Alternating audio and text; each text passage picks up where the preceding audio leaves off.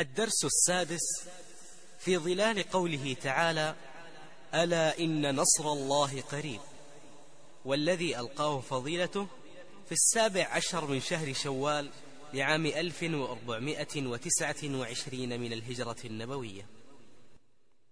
سلام الله عليكم ورحمته وبركاته. بسم الله الرحمن الرحيم. إن الحمد لله نحمده ونستعينه ونستغفره ونتوب إليه ونعوذ بالله من شرور أنفسنا وسيئات أعمالنا. من يهده الله فلا مضل له ومن يضلل فلا هادي له. وأشهد أن لا إله إلا الله وحده لا شريك له وأشهد أن محمدا عبده ورسوله صلى الله عليه وعلى آله وصحبه وسلم تسليما كثيرا. يا أيها الذين آمنوا اتقوا الله حق تقاته ولا تموتن إلا وأنتم مسلمون. يا أيها الناس اتقوا ربكم الذي خلقكم من نفس واحدة وخلق منها زوجها وبث منهما رجالا كثيرا ونساء. واتقوا الله الذي تساءلون به والأرحام. إن الله كان عليكم رقيبا. يا أيها الذين آمنوا اتقوا الله وقولوا قولا سديدا. يصلح لكم أعمالكم ويغفر لكم ذنوبكم. ومن يطع الله ورسوله فقد فاز فوزا عظيما. أما بعد أيها الأحبة فنحمد الله جل وعلا الذي جمعنا بعد انقطاع في هذه العطلة الطويلة نسبيا. فله الحمد وله الشكر وله الثناء ونسأله أن يوفقنا لسداد القول والعمل. ثم باسمكم جميعا أشكر الأخوة القائمين على هذا المسجد وعلى هذا المنبر والمعلم الإيماني والعلمي والثقافي والدعوي في محافظة جدة.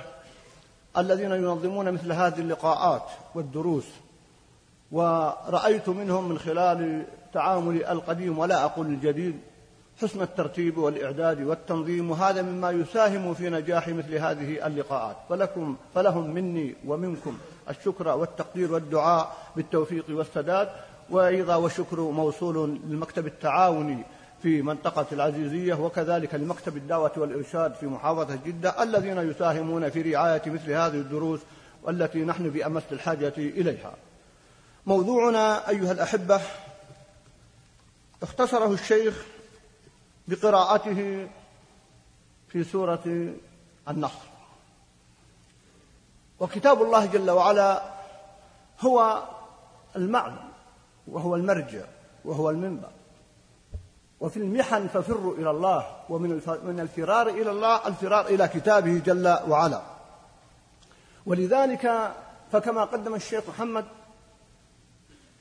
الأمة الآن تعيش ظروفا استثنائية.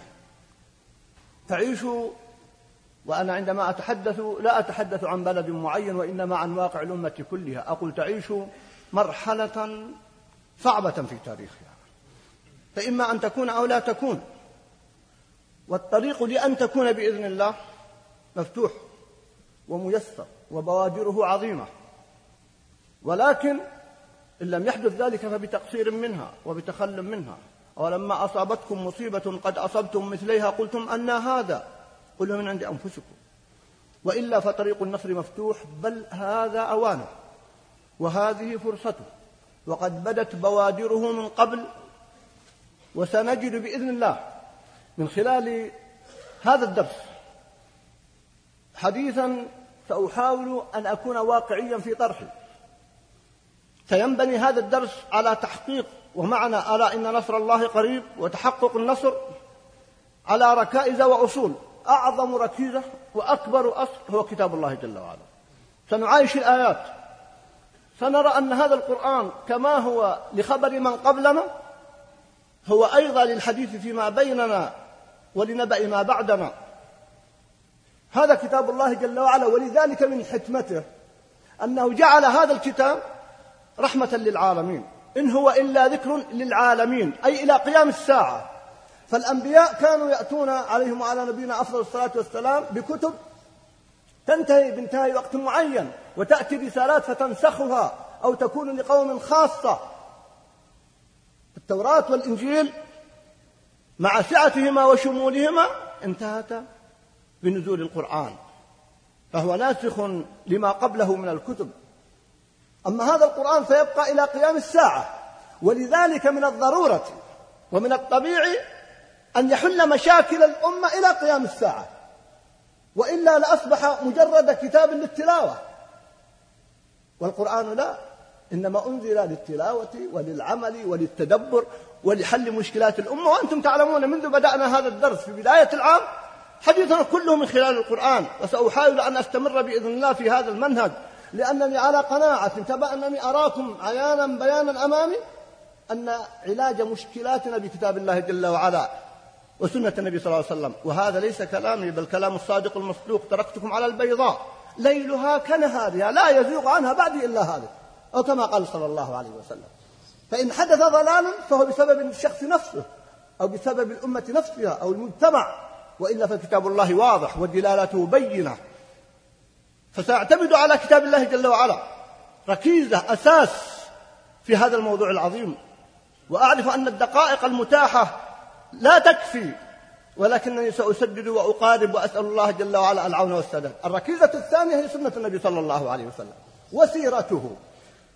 لماذا أقول سنته وسيرته؟ سيرته من خلال الوقائع التاريخية التي مر بها النبي صلى الله عليه وسلم قد نعيش نحن الآن وقائع متشابهة. وسنته فيما ثبت عند عنه من أقوال لنا نحن من وعود ومبشرات لا تتعلق في زمنه صلى الله عليه وسلم.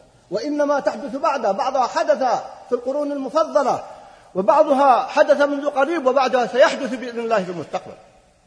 الركيزة الثالثة السنن الكونية لأن سنن الله لا تتخلف سنة الله ولن تجد لسنة الله تبديلا.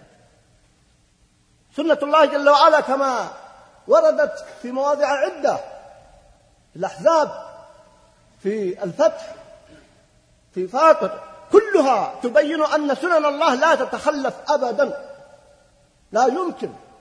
كما أن الشمس سنة كونية تخرج من المشرق وتغيب في المغرب فكذلك السنن الكونية ولذلك خروجها من المغرب. نسأل الله ألا نرى ذلك اليوم حالة استثنائية وسنة خارقة لأمر ووعد وعده الله جل وعلا وإلا فالشمس ولذلك لما حاج إبراهيم ذاك الرجل الذي كفر بالله أراد أن يحج قال فإن الله يأتي بالشمس من المشرق فأتي بها من المغرب فبهت الذي كفر. لماذا بهت؟ لأن السنن لا تتغير. منازل القمر منذ خلق القمر وإلى قيام الساعة هو هو لا يتغير. النجوم وبالنجم هم يهتدون. وسبق أن تحدثت عن هذا لأن النجمة ثابتة. النجمة ثابتة ومضطردة ولم تتغير ولا تغيب ولا تنخسف ولا تنكسف. ولذلك أرسل لي أحد طلابي قبل أيام استنباط لأول مرة أسمعه. من تدبر القرآن. قال أقسم الله جل وعلا قال والنجم ماذا قال؟ وما هو؟ ما ضل صاحبكم وما غوى. أي كما أن النجمة مضطردة مستقرة مستمرة في طريقها فكذلك النبي صلى الله عليه وسلم. فهو على محجة بيضاء وطريق صحيح. ما ضل صاحبكم وما غوى. اختار النجم. لم يقسم بالقمر ولا بالشمس ولا بغيرها. إنما أقسم الله جل وعلا بالنجم. وهذا استنباط وتدبر له وجهه. إذا السنن الكونية لا تتغير. أبدا. الركيزة الرابعة هي الأرقام التي تتحدث عن وقائع لا أقول ستكون وإنما قد وقعت فهي مؤشرات ودلائل لما سيأتي بإذن الله من بشائر ومن نصر. وأسأل الله أن يعيننا وإياكم وأن يوفق لأن الوقت في الحقيقة قصير جدا بالنسبة لما معي. ولكن الحر تكفيه الإشارة. وسأضغط كلامي وربما لا أتوقف كثيرا مع بعض المسائل مراعاة للحرص على تحقيق أكبر قدر من النتائج والمعلومات ولكنني مرة أخرى أقول وأبدأ فأقول إن كل هذا الكلام الذي أقوله كما بدأت يحتاج إلى برامج عملية. لم نأتي من أجل فقط أن نستمع أو أن نزيل بعض ما في نفوسنا إنما نريد أن نتبع ذلك هو العمل. وإلا فقد يكون الكلام حجة على من سمعه أو ما سمع ما فيه من حق ولم يأخذ به. نعوذ بالله أن نكون كذلك. نسأل الله أن يكون حجة لنا. وحجة لنا لا حجة علينا. ومن لأنني ثم أقول إن النفوس المهزومة أيها الأخوة لا يمكن أن تنتصر. نحن نتحدث عن النصر. ألا إن نصر الله قريب؟ يحتاج إلى نفوس واثقة متفائلة مستبشرة مطلعة متقدمة كما كان النبي صلى الله عليه وسلم. النفوس المهزومة التي هزمت من داخلها هذه بداية الخسارة والبوار فأتاهم الله من حيث لم يحتسبوا وقذف في قلوبهم الرعب. يخربون بيوتهم بأيديهم وأيدي المؤمنين فاعتبروا يا أولي الأبصار. لذلك لا بد من التفاؤل لا بد من قوة وحسن الثقة بالله جل وعلا. كل هذه مقدمات لما سأذكره في هذه الدقائق بإذن الله. يسأل سائل ويقول مرة أخرى وقد سئلت هذا الكلام مرارا كيف يمكن أن نتفاعل؟ والواقع كما ترى. قبل قليل قبل دقائق من الأذان جاءني أحد الأخوة وحكى لي أن أحد الأشخاص من له مكانة ومنزلة. يقول الأوضاع من السوء والأوضاع وبدأ يتحدث عن سوء الأوضاع. قلت هذا يهدم ولا يبني. ماذا يقدم بهذا الكلام؟ بالعكس الأوضاع فيها خير. ومن قال هلك الناس فهو أهلكهم. وفي رواية فهو أهلكهم وكلاهما روايتان صحيحان. لا الأمة فيها مناحي القوة والعزة. بل إن هذه الأيام الأمة تشهد انتصارات قريبة وبعيدة بإذن الله. فلذلك أقول نعم أتحدث مع أنني أدرك ما يقصده من سوء الأوضاع في بعض المناطق لكن كما قلت للأخ أنا لا أتحدث عن زاوية معينة أو عن بلد معين إنما أتحدث عن الأمة ككل حاضرا ومستقبلا. أتحدث عما فيها من مكامن القوة والعزة. ولا تهنوا ولا تحزنوا وأنتم الأعلون إن كنتم مؤمنين من شروط الإيمان ألا يهنوا ولا يحزنوا. ومن وهن أو حزن يعني سوء ظن بالله فقد فقد فقد شرطا من شروط الإيمان. قال إن كنتم مؤمنين فنعم. ولذلك جاء ألا إن نصر الله قريب؟ عنوان هذا الدرس وهو آية من كتاب الله جل وعلا إجابة متى نصر الله؟ هذا السؤال قديم. أجاب عنه القرآن مباشرة. الجواب بسيط ألا إن نصر الله قريب؟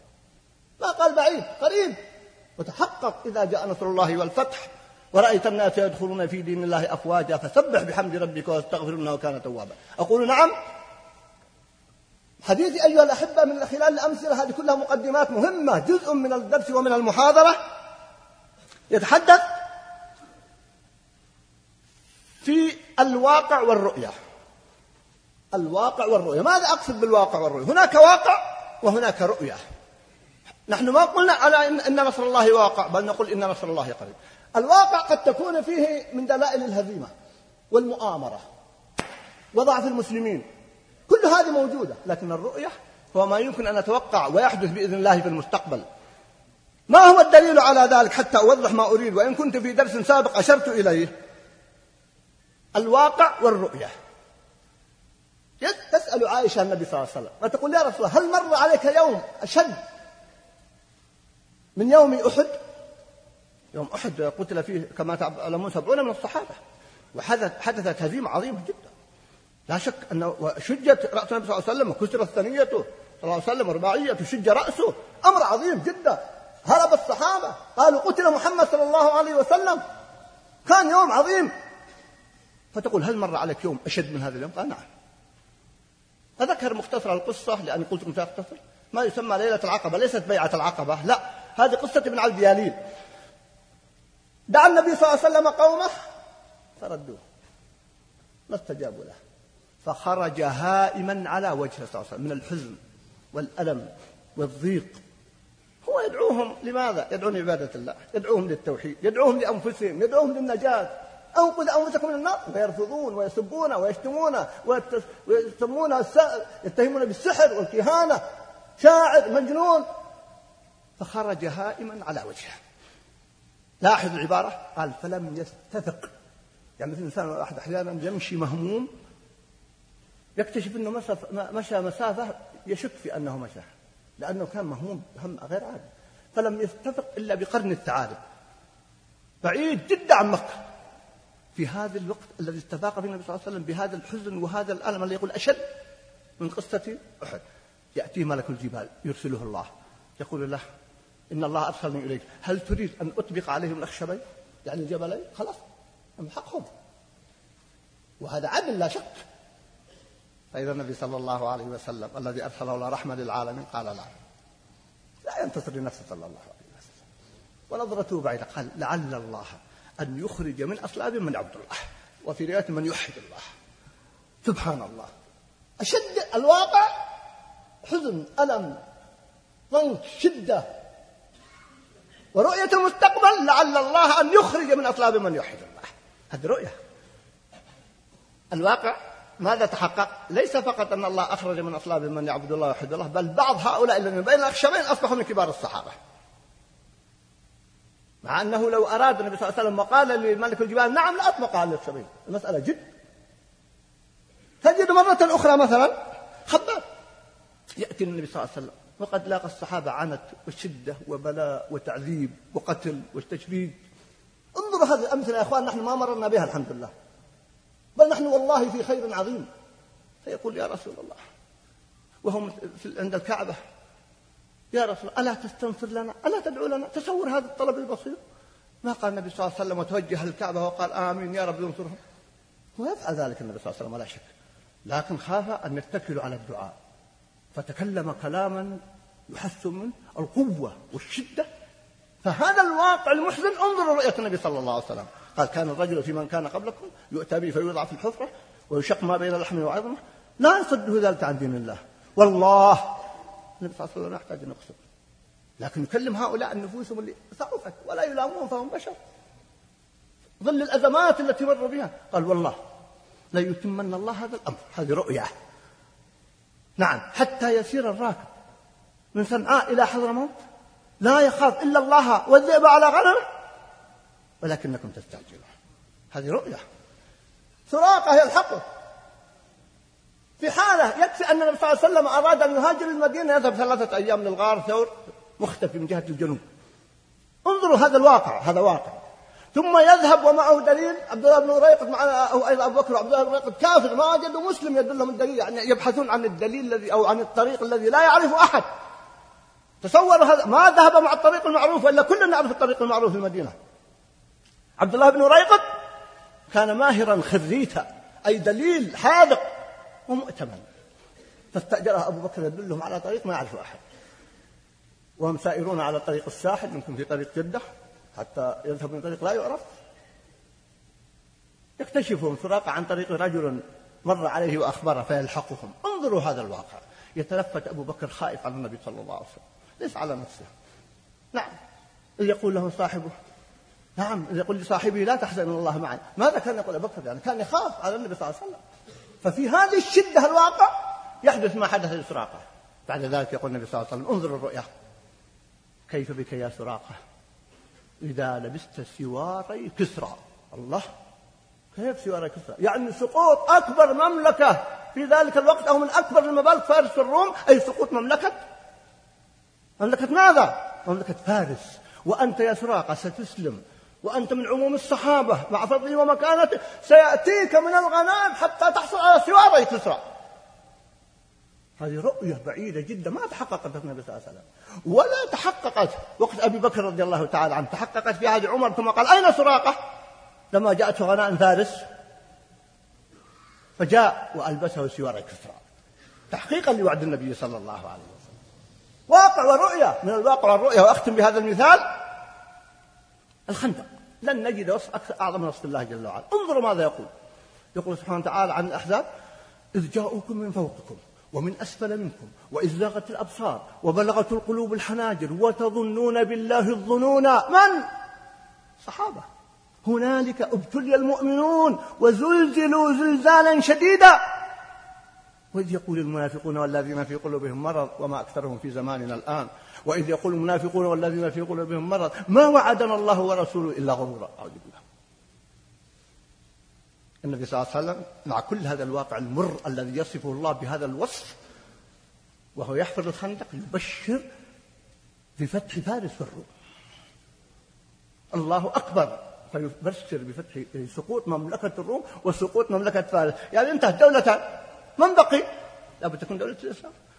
كما من بشر سابقا بسقوط الشيوعية وبعدها سقوط أمريكا والعزة وهذا الذي نقوله للمسلمين. إذا هذا واقع ورؤية. مما أيضا نتحدث عنه أيضا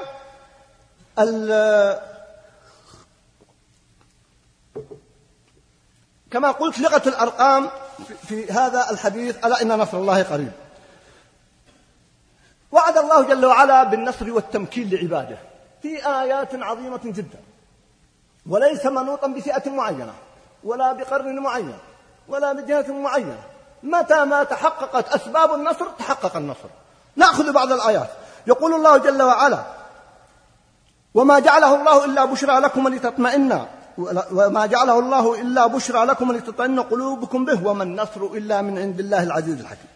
وما جعله الله إلا بشرى ولتطمئن به قلوبكم وما النصر إلا من عند الله إن الله عزيز حكيم. نعم.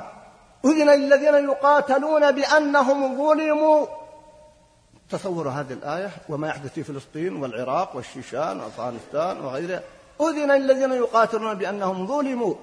وإن الله على نصرهم لقدير. ولينصرن الله هنا جاء الشرط. ولينصرن الله ما ينصره. ما يأتي النصر على طبق من ذهب لأناس قاعدين مخذلين يبثون الفتنة أو قلوبهم مهزومة وسوء ظنهم بربهم وذلكم ظنكم الذي ظننتم بربكم أرداكم فأصبحتم من الخاسرين. لا. يأتي النصر لمن نصر دين الله جل وعلا. إذا أيها الأحبة النصر ليس هو الغلبة النصر قد يكون نصر بالحجة وهذا قائم أبدا. النصر بالحجة والبرهان حتى لو لم يبق أحد. فالنصر حادث. ولكن ليس هو الذي نتحدث عنه اليوم لأن هذا دائما أبدا. مثال الأنبياء الذين قتلوا ولم يؤمن فيهم أحد فقد انتصروا. انتصروا بماذا؟ بالحجة والبرهان. وظهور الحق. أصحاب الأخدود هل بقي منهم أحد؟ أبدا. حتى الأطفال حتى النساء حتى الرضع. ومع ذلك انتصروا. وقال الله عنهم آية في القرآن لا توجد إلا لهم. ذلك الفوز الكبير. في ذلك الفوز المبين في ذلك الفوز العظيم. الفوز الكبير جاء لأصحاب الأخدود معنا ما بقي منهم أحد. لأنهم غلبوا بماذا؟ بالحجة والبرهان. ثم أيضا الغلبة والنصر وهو الذي نشير إليه بالواقع وهو قهر الأعداء. وانتصار عليهم في مواطن كثيرة. وهذا ما يحدث اليوم والحمد لله في مواطن عدة. كما سنذكر إن شاء الله من حقائق وأرقام. ولذلك سأخفف أو أدمج المحاضرة والدرس بأرقام بين فترة وأخرى حتى نتبين الحقائق. خذوا مثلا اسمعوا هذه الكلمة وندعو لصاحبها قبل أن نبدأ هو لشيخنا العلامة الشيخ سفر الحوالي شفاه الله. هذه كلمات قالها قبل سنوات. يقول لو أنفق أعداء أمريكا البلايين للدعاية ضدها لما استطاعوا أن يغيروا من نظرة العالم نحو مثل ما فعلته بنفسها في السنوات الأخيرة من حملتها الظالمة ضد المسلمين في فلسطين وأفغانستان والعراق بل وداخل أمريكا وعداوتها واستخفافها بالعالم أجمع يخربون بيوتهم بأيديهم وأيدي المؤمنين فاعتبروا يا أولي الأبصار. واقع ربما لما تحدث فيه الشيخ في وقت حفظه الله هناك ربما من لامه أو أخذ عليه وهو حقيقة أمامنا الآن. واقع. المخابرات الأمريكية سواء تلاحظون الأرقام التي بها أكثرها وأعمها ما الحق ما شهدت به الأعداء. لأن البعض لما نذكر بعض كلام العلماء أو غيرهم مع مكانته ربما ما يكون له قوة عندما نتحدث عن حقائق وأرقام. المخابرات الأمريكية في تقرير سني سري للكونجرس يقول الإسلام هو أسرع الأديان نموا في العالم وعدد المسلمين قد يصل إلى ثلث سكان المعمورة قريبا ونسبة التحول إلى الإسلام ارتفعت بشكل ملحوظ بعد أحداث سبتمبر. عضو الكونجرس الأمريكي جون ماران يقول القرن 21 هو قرن الإسلام وسيوفر الفرصة للسلام في العالم. ألست أمريكا تقول سنوفر السلام؟ هذا عضو الكونجرس الأمريكي. يقول القرن القادم ألا إن نصر الله قريب. هذا كافر. ومسؤول في الحكومة الأمريكية. في الكونجرس سيوفر السلام في العالم. يعني كأنه يعلن أننا فشلنا بتوفير السلام للعالم وليس كما تزعم أمريكا. خبراء أمريكيون يقولون الإسلام قوة القرن القادم. مراد هوفمان الألماني الذي أسلم فيما بعد الإسلام في طريقه ليكون قوة عالمية ويقول بنظرة بعيدة وعميقة فإني متفائل بانتشار الإسلام كبديل. يقول يقول زعيم الطائفة الروم الكاثوليك في إنجلترا أنا أحاول أتنقل من أمريكا لألمانيا لبريطانيا لفرنسا لأن الحقائق كأن مجمع عليها كما سيأتي بإذن الله. يقول هذا إن النصرانية في طريقها إلى التراجع داخل بريطانيا بينما يتقدم الإسلام وهو في ازدهار مستمر. وكالة رويترز تقول أجيال القرآن تعود إلى بلغاريا وأوروبا الشرقية. مجلة تايم الأمريكية يعتبرونها المجلة الرصينة الأمريكية. يعني يعتبرونها في تقييمهم أفضل المجلات الأمريكية دقة في المعلومات تقول ستشرق شمس الإسلام من جديد لكن لن تشرق هذه المرة من الشرق وإنما من الغرب من أمريكا. نعم. أيضا رئيس المخابرات الأمريكية يقول قبل فترة السي إي آي يقول لن تنتصر أمريكا في العالم. هذا قاله بعاث لكن ما صدقوا. هذا رئيس المخابرات الأمريكية يعلن هذه الحقيقة التي واقعة الآن. هذا كلام قبل سنوات بالمناسبة. هذا كلام كله قبل سنوات. إذا فهذه بعض الحقائق. فالانتصار بإذن الله قادم لهذه الأمة. ولذلك فيجب أن نفرق بين قوة الإسلام فهو قوي دائما وأبدا وانتصار المسلمين. والغلبة للمسلمين هذا يتحقق بالشروط التي أشرت إليها والبراهين التي لا بد منها. إذا نأخذ مسألة أخرى في قضية الانتصار. تبين لنا حقيقة انتصار المسلمين. أولا لا يزال المسلمون عموما بحمد الله في خير وهم خير من كثير من شعوب الأرض المرذولة التي لا تعرف ربا ولا دينا صحيحا. وكثير من المسلمين اليوم يعتز بما عنده من الدين ويرى لنفسه العلو في تلك الأمم الضائعة الضالة. وهذا أمر واقع. أيضا لا تزال بحمد الله طائفة من هذه الأمة ظاهرة منصورة. نعم لم يمكن الله عدوها منها. انظروا في فلسطين. كم بذلت الجهود والمليارات والمؤامرات والخيانات للقضاء على قضية فلسطين. وانظر الواقع الآن. لا تزال الآن غزة مع ما هي فيه من حصار تنهار له دول أيها الأخوة. تنهار له دول. تزال ثابتة قوية. وإخواننا هناك مع مرارة واقعهم. أمرهم والله عجيب. وآخر من أعلن أحد أساتذة إحدى جامعة بيرزيت في إسرائيل يقول إن في غزة ثابتون صامدون استطاعوا أن يسلموا الرواتب قبل العيد بعدة أيام بينما حكومة رام الله التي يدعمها العالم أجمع عجزت أن تسلم رواتب العيد. نعم. هذه أحد أساتذة في جامعة بيرزيت في إسرائيل يعني في داخل إسرائيل. العراق. وما أدرك العراق. نعم العراق يعاني. العراق لكن بإذن الله سينتصر. فلا تنهزم نفوسنا في أفغانستان. قال الناس أيها الأخوة قبل خمس سنوات انتهت طالبان وجاءت أمريكا بجنودها وخبرائها وحلفائها من بريطانيا وألمانيا وكل العالم. ولا تزال. وأقامت حكومة عميلة كما تعلمون في أفغانستان. وبدأ المخذلون وبدأ المرجفون. وها هي الآن أمريكا تطلب وتبحث عن وسطاء ليتوسطوا لها عند طالبان هذا كلام صح وآخر اجتماع حدث نعم في مكة في آخر رمضان. لعلها صلح بين طبعا ما يعني حكومة قرضاي الحقيقة. حكومة قرضاي ليست إلا أداة الحكومة الموجودة في في مع طالبة. التي قال الناس إنها انتهت وقد قلت قبل أكثر من مرة أن أن طالبان ستعود. لا ليس بالضرورة أن يعود الاسم أن يعود المسلمون في أفغانستان بقوتهم. وما كان الله ليضيع إيمانكم. هذا كالجهاد وإخراج الروس. ولو فرط فيه البعض. لابد منه الآن التفاوض والذي بيد القوة هي طالبان في الصومال حقائق مدهشة وإن كانوا لا زالوا يعانون. هذه كلها حقائق من واقع انتصار الأمة.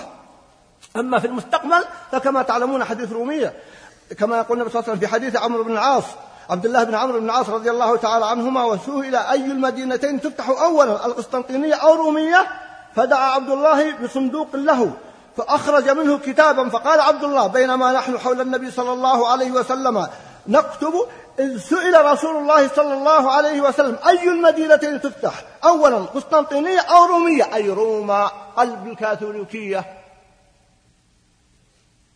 عاصمة إيطاليا فقال النبي صلى الله عليه وسلم مدينة هرقل تفتح أولا يعني قسطنطينية. رواه أحمد الدارمي. الشاهد أن ستفتح القسطنطينية وليس هو الفتح الذي حدث على يد محمد الفاتح بل هناك فتح جديد كما في الأحاديث الصحيحة. وستفتح رومية أي سيفتحها المسلمون أي ستزال قلعة الكاثوليكية. وستعلمون الآن بعد قليل بعد الأرقام والحقائق أن النصارى الآن من المبشرين وغيرهم. يقول لم نعد الأقوى في العالم. الإسلام يتقدم ونحن نتأخر. هذه بوادر النصر بإذن الله ألا إن نصر الله قريب. فلذلك لابد أيها الأحبة من التفاؤل. انظروا. يقول الله جل وعلا في قصة موسى وفرعون وسبقا أشرت إليها في هذا المقام لكن لربط الموضوع بعضه مع بعض. يقول ونريد أن نمن على الذين استضعفوا في الأرض ونجعلهم أئمة ونجعلهم الوارثين ونمكن لهم في الأرض ونري فرعون وهامان وجنودهما منهم ما كانوا يحذرون. بعد فترة يقول الله جل وعلا وأورثنا القوم الذين كانوا يستضعفون. أورثهم ماذا؟ مشارق الأرض ومغاربها التي باركنا فيها. وتمت كلمة الحسنى على بني إسرائيل بما؟ لاحظوا؟ بما صبروا. ودمرنا ما كان يصنع قومه فرعون وقومه وما كانوا يعرفون طبقوا هذه الآية ومعناها على أمريكا وظلمها وجبروتها وهي فرعون ولا شك بل أعظم من فرعون في ظلمها وحلفائها والمستضعفون في الأرض. في كل مكان تستضعفهم أمريكا. اقرأوا آية القصص وأبشروا بآية الأعراف. فالله جل وعلا وعده لا يتخلف ولكن لما صبروا كما قال الله جل وعلا في سورة سجدة. نعم وجعلنا منهم أئمة يهدون بأمرنا لما صبروا وكانوا بآياتنا يوقنون. نحتاج إلى الصبر وإلى اليقين فبهما يحدث التمكين. فهذه حقائق ولذلك الآيات في التفاؤل كثيرة جدا ولكن الوقت يلاحقني فأكتفي ببعضها كما ذكرت. اسمعوا لهذه الآية كأنها نزلت اليوم. وهي متى نزلت؟ قبل أكثر من 400 سنة. إن الذين كفروا ينفقون أموالهم ليصدوا عن سبيل الله فسينفقونها. فسينفقونها ثم تكون عليهم حسرة ثم يغلبون والذين كفروا إلى جهنم يحشرون. طبقوها على واقع أمريكا الآن كم أنفقوا من المليارات؟ كم سمعنا كذا مليار لدعم اليهود؟ كذا مليار لدعم دولة الرافضة في العراق وقتال المسلمين في العراق حكومة العميلة في أفغانستان. الواقع الآن الأزمة التي تعيشها أمريكا الآن أزمة حقيقية يا أخوان. عندما يعلن الرئيس الأمريكي وهذه من المبشرات أمام الملأ وما بقي على حكمه إلا أشهر من مصلحته أن ينتهي ولم يعلن عن هذه الحقيقة. أن أمريكا في أزمة في خطر ستنهار هذه عباراته شديدة وقوية. وتأتي النتائج المذهلة. إفلاس بنوك شركات على حافة الإفلاس مليارات تذهب أدراج الرياح. هذه حقائق فسينفقونها ثم تكون عليهم حسرة ثم يغلبون. يغلبون من يغلبهم؟ المسلمون. ولا يكفي هذا. ما يكفي عذاب الدنيا. وإلى جه... ثم إلى جهنم يحشرون. نعم أيها الأحبة ف من أكبر المفكرين الغرب ما يسمى رجل أمريكي يدرس في جامعة أمريكية فوكوياما. له تصريحات هذه الأيام مهمة جدا. والرجل بميزانهم الحقيقة يعتبر من كبار مفكريهم ومستقل في تفكيره وليس تابعا للحكومة الأمريكية. أصله ياباني. يقول من تصريحاته النفوذ الأمريكي في العالم يتضاءل. ويقول تتحمل الحكومة الأمريكية الفشل الذي حدث ويحدث الآن. ويقول لن تعود أمريكا سيدة العالم بعد اليوم. هذا كلامهم هم ليس كلامهم والحق ما شهدت به الأعداء. نعم. فيلسوف بريطاني انظروا ماذا يقول. مستقبل أمريكا بيد الآخرين ونفوذها ولا. أبشروا. تفاءلوا يا أخوان. والله يا أخوان إلى قريب. والله إلى قريب. أناس أخيار طيبين يدافعون عن أمريكا ومقومات أمريكا واقتصاد أمريكا وأنها الدولة القوية وأن وأن يقول نحن لا نحب أمريكا ولا تصوروا أن ندافع عن سياستها. لا أخيارهم. أما من ناحية القوة السياسية والاقتصادية والعسكرية فلا هي من أقوى دولة في العالم. إلى هذا الحد خذ يوم. إلى هذا الحد. وهم أخيار. أقول لكم أنا ما تحدثت عن العلمانيين ولا عن المنافقين والذين في قلوبهم مرض. كلا. أتحدث عن بعض الأخيار. وانظروا ماذا يقول الغربيون أنفسهم أيها الأخوة. نعم الإسلام قادم. أتعلمون أن مجلس الشيوخ الأمريكي بسبب هذه الأزمة التي عفوا مجلس الشيوخ الفرنسي نعم بسبب الأزمة وجد أن من الحلول لإنقاذ فرنسا دراسة الأسلوب المصرفي الإسلامي والأخذ به في فرنسا. هذا مجلس الشيوخ الأمريكي. نعم.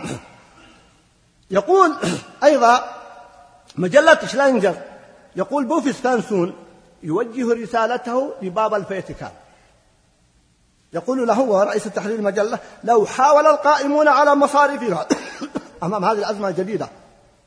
لو حاول القائمون على مصارفنا احترام ما ورد في القرآن من تعاليم وأحكام وطبقوها ما حل بنا ما حل من كوارث وأزمات. من اللي يقول هذا الكلام؟ مجلة من مجلات الغرب. ورئيس تحريره يوجه خطابه لباب الفاتيكان. هذه حقائق ما يمكن أن يجمع العالم عليها هكذا مما يقال لا يمكن تواطؤهم على الكذب. أيضا تجد أن خطة إنقاذ أمريكا وغيرها وأوروبا مما هي فيه بسبب الربا والمشكلة أن بعض قومنا لم يفقهوا بعد. أتعلمون أن من بني قومنا وممن يملك القرار في وقت من الأوقات ولم يعد موجودا لكن عاش سنوات يملك القرار كان أقوى عدو للمصارف الإسلامية. ويقول إن الربا كالدم لجسم الإنسان. يناقشه بعض الناس وصاحب قرار ويقول لا يمكن أنتم لا تفهمون الربا. نظرتكم بسيطة. انظر العالم الغربي ماذا حدث بسبب الربا والكوارث. كل هذه حقائق فأيضا بسبب الأزمة التي تعيشها أمريكا في جريدة الرياض دراسة سرية للمخابرات الأمريكية تؤكد التدهور المستمر في أفغانستان وتشكك في قضاء الحكومة على طالبان. أيضا من الحقائق زعيم الكنائس البروتستانتية في فلسطين يقول معاداة الإسلام لن تحقق الأمن في الشرق الأوسط. وأيضا مرة أخرى أعيد هذا التصريح لأنه قوي جدا موجه لبابا الفاتيكان. فيقول أظن هذا بوفيس فانسون يقول أظن أننا بحاجة أكثر في هذه الأزمة المالية إلى قراءة القرآن بدلا من الأنجيل لفهم ما يحدث بنا وبمصارفنا لأنه لو حاول القائمون على مصارفنا احترام ما ورد في القرآن من تعاليم وأحكام وطبقوها ما حل بنا من الكوارث والأزمات وما وصل بنا الحال إلى هذا الوضع المزري وهو يوجه حديثه لباب الفاتحة وهناك من لا يزال مهزوم نفسيا مع كل أسف. مهزوم عقليا. لا ألا إن نصر الله قريب أيها الأحبة. وعد الله الذين لاحظوا هذه القواعد. وعد الله الذين آمنوا منكم وعاملوا الصالحات ليستخلفنهم في الأرض كما استخلف الذين من قبلهم وليمكنن لهم دينهم الذي ارتضى لهم وليبدلنهم من بعد خوفهم أمنا. يعبدونني لا يشركون بي شيئا ومن كفر بعد ذلك فأولئك هم الفاسقون. أما أحاديث السنة الانتصار فقد أشرت إلى بعضها.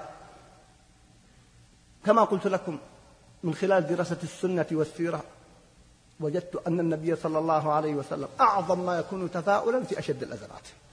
كما بينت قبل قليل في تلك الأمثلة. الوعود بنصرة هذا الدين وهي أحاديث كثيرة لا يتسع المقام لذكرها ذكرت بعضها قبل قليل. وأحاديث الطائفة المنصورة الذين لا يزالون على الحق ظاهرين لا يضرهم من خذلهم ولا من خالفهم حتى تقوم الساعة. أبشروا. النصر قادم بإذن الله. قول النبي صلى الله عليه وسلم نصرت بالرعب. نصرت بالرعب. وحقائق التاريخ. أصبح المسلم الآن له هيبة وقوة لأنه أثبت وجوده في فلسطين والعراق وأفغانستان والشيشان وغيرها. العدو يخاف منه وقذف في قلوبهم الرعب تحسبهم جميعا وقلوبهم شتى. هذه هي الحقيقة. فكما نصر النبي صلى الله عليه وسلم بالرعب ذكر العلماء أنها ليست خاصة بل هي لهذه الأمة كم نصرة الأمة بهذا الرعب. نعم. أيضا ما بين خروج النبي صلى الله عليه وسلم من مكة وعودته فأنا منتصرا ثمان سنوات. ثم بعد سنتين في حجة الوداع تصوروا يذهب قبل ذلك من مكة كما قلت يبحث عن عن طريق لا يعرف أحد حتى ما يجد إلا كافر عبد الله بن ريقب يدله على الطريق الخفي. بعد عشر سنوات يحج النبي صلى الله عليه وسلم وذكر المؤرخون أن معه قرابة مئة ألف.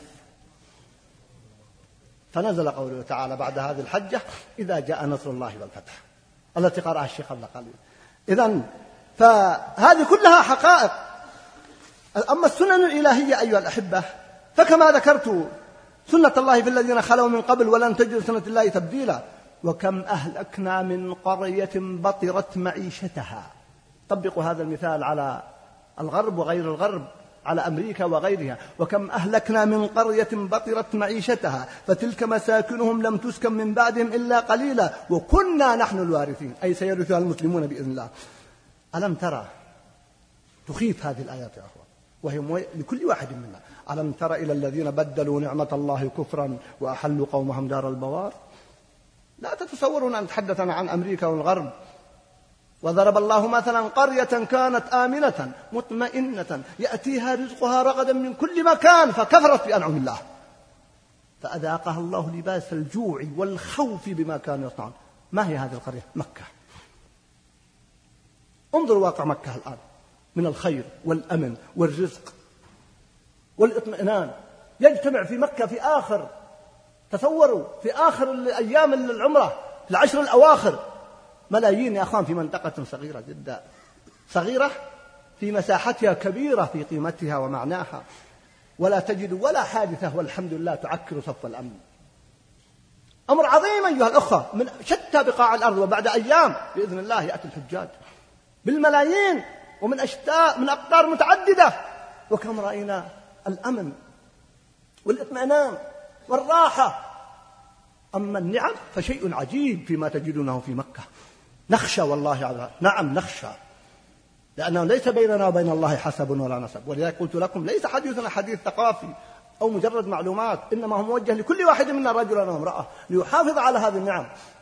وبالمناسبة بما تمر به البلاد الإسلامية وبلادنا من ظروف وبخاصة على المستوى الاقتصادي فإنني أنبه كل واحد منا كل فرد كل أسرة رجل امرأة شاب أن ينتبه لهذا الأمر. وقد ألقيت محاضرة في العام الماضي ويمنعون الماعون وهي موجودة في السوق وبينت فيها أسلوب ومنهج يجب أن يسلكه كل واحد منا في هذه الظروف القاسية الصعبة. حتى نحافظ على بنيتنا لأن إذا حدث اهتزاز الاقتصادي له آثار اجتماعية أخلاقية أمنية كما تعلمون. فمن باب المحافظة على ديننا وعلى أمننا وعلى بلادنا أن يحافظ كل واحد منا على منهج معين لا يتسع الوقت لطرحه ولكن بمناسبة هذه الآيات وأيضا ولا تحسبن الله غافلا عما يعمل الظالمون إنما يؤخرهم ليوم تشخص فيه الأبصار. أبشروا أيها الأخوة بالنصر. سأشير إلى بعض بعض حقائق النصر كما أشرت قبل قليل. ف ولكن حتى يتحقق هذا النصر أقول تصبر أيها العبد اللبيب لعلك بعد صبرك ما تخيب وكل الحادثات إذا تناهت يكون وراءها فرج قريب. ورب نازلة يضيق بها الفتى ذرعا وعند الله منها المخرج. ضاقت فلما استحكمت حلقاتها فرجت. وكان يظنها لا تفرج فإن مع العسر يسرا إن مع العسر يسرا. قال عبد الله بن عباس لن يغلب عسر يسرين وقد رفع إلى النبي صلى الله عليه وسلم في بعض الروايات. وهذا الغيث تقدمه أمور يظن الغر أن بهن إسرا يرى برقا وسافية وقصفا فيلعن غرنا للتو دهرا. وأرباب العقول لهم عقال يوثق قولهم ويشد أزرا. ويخبرهم بأن الغيث آت يدر الضرع والغبراء خضراء. بإذن الله. ألا إن نصر الله قريب حقائق. فمن ذلك أيها الأحبة من علامات النصر ما نراه من استطالة الكافرين على حدود الله جل وعلا. والنتيجة فلما آسفونا انتقمنا منهم. أمم الغرب اليوم بلغت من الفساد والفجور والظلم والطغيان والجبروت ومساعدة الظالم كمساعدتها لأمريكا. وبلذلك ستأتيهم سنة الله التي لا تغير فلما آسفونا انتقمنا منهم. أيضا ومن المبشرات أنه مع ما حدث من ألم ويحدث الآن من استهزاء بالنبي صلى الله عليه وسلم بأبي وأمي وسخرية بالنبي صلى الله عليه وسلم. يجرح القلوب ويؤلمها ويحزنها. الإيذاء لمسلم أمر محزن. فكيف لإمام المتقين صلى الله عليه وسلم؟ كيف لسيد ولد آدم بأبي وأمي صلى الله عليه وسلم؟ لكن مع مرارته السنة الكونية إن شانئك هو الأبتر. الآن في بروكسل وهي من الدول القريبة من الاستهزاء كما تعلمون أكثر سكانها من المسلمين وأكثر الأسماء الآن في بروكسل اسم محمد صلى الله عليه وسلم. تيمنا باسم النبي صلى الله عليه وسلم. الآن في ب... هكذا في بلجيكا في الدنمارك الآن أبشركم أرقام الآن زيادة الدخول في الإسلام مع الاضطهاد والتعذيب والبلاء والسخرية ازدادت عما كانت قبل الإذاء النبي صلى الله عليه وسلم. في هولندا التي تشارك أيضا الدنمارك أعلى ديانة في أمستردام أعلى ديانة أعلى رقم هم المسلمون. بعض الناس ما يتصور هذا الكلام؟ نعم هم المسلمون. أعلى أكثر من الكاثوليك وأكثر من البروتستانت هم المسلمون. في داخل هولندا أمر حقيقي أيها الأخوة هذه أرقام. فإيذاء النبي صلى الله عليه وسلم محزن لكن نهايته سنة كونية. إن شانئك هو الأبتر المقطوع المهزوم المخذول. وسينتقم الله جل وعلا لنبيه صلى الله عليه وسلم. ولكنها سنة كونية فلا نستعجل. أيضا نجد انتشار الذنوب والفواحش أيها الأخوة في الغرب. كيف؟ ألم تهلك؟ طبعا الغرب كافر. نتحدث عن أمم الغرب لا عن أفراد مسلمين في داخل الغرب ولا أمريكا. حكوماتهم شعوبهم بالجملة كافرة. أما يهود أو نصارى أو وثنيين أو علمانيين كفار. تصوروا دول كافرة سابقة أهلكها الله مثل قوم لوط بسبب الفاحشة مع كفر وقوم شعيب أهلكهم الله لماذا؟ مع كفرهم لأنهم يطففون الموازين. وفي كل أمة تجد لها معصية بارزة. أهلكها الله بسببها. ما رأيكم إذا كان الغرب مع كفره مجتمعة في كل ما كانت الأمم السابقة؟ من فواحش وفساد أخلاقي وتطفيف الموازين وكذب كلها مجتمعة. فهي في ذلك لا شك أنها سنة كونية وعوامل لا بد أن تتحقق كما بين الله جل وعلا. وجاءت الأحاديث في هذا الأمر. فسيهلكم الله جل وعلا. هذه حقائق ولذلك أرسل كما قلت سابقا أحد عقلاء أمريكا واسمه غالي نير غالي نيلر رسالة لخادم الحرمين. يقول لهم أن سبب هلاك أمريكا وأزمتها السابقة واللاحقة بسبب ما يتعلق بالمرأة من اختلاط ودعوى الحرية. ويقول له إنني أسمع عن بلدكم إنه بلد محافظ. فيا خادم الحرمين إياك أن تستمع للدعوات التي تأتيك من بلادنا باسم الحرية. لأنقلوا نساءكم وبناتكم كما هو عندنا فأفسدوا بلادنا فلا يفسدوا بلادكم. هذا عاقل أمريكي يوجه رسالة معلنة لخادم الحرمين يقول احذروا أن تقعوا فيما وقعنا فيه فما وقعنا فيه هو سبب الدمار وسبب الهلاك. رسالة عجيبة جدا موجودة في الإنترنت. اقرأوها أنصح بقراءتها كما قلت لكم وهو اسمه غادي نيرار ادخل على محرك البحث ستجد الرسالة. تتضح صدقا ثم يقول وأعتذر لكم عما يفعله بعض سفهائنا في محاولة الضغط عليكم لإخراج المرأة من كرامتها وقدسيتها. وحريتها أمريكا يا غار عليها لأن عاقل ولم يسلم نسأل الله أن يهديه للإسلام. أيها الأخوة هذه حقائق التاريخ التي لا تتغير. إذا مرة أخرى نعود إلى لغة الأرقام. الشباب حول العالم يزداد تدينا أكثر من التصور السابق. أيضا أيها الأحبة نجد من هذه الأرقام اعتناق ثلاثة آلاف وستمائة شخص للدين الإسلامي سنويا في فرنسا. ألا إن نصر الله قريب.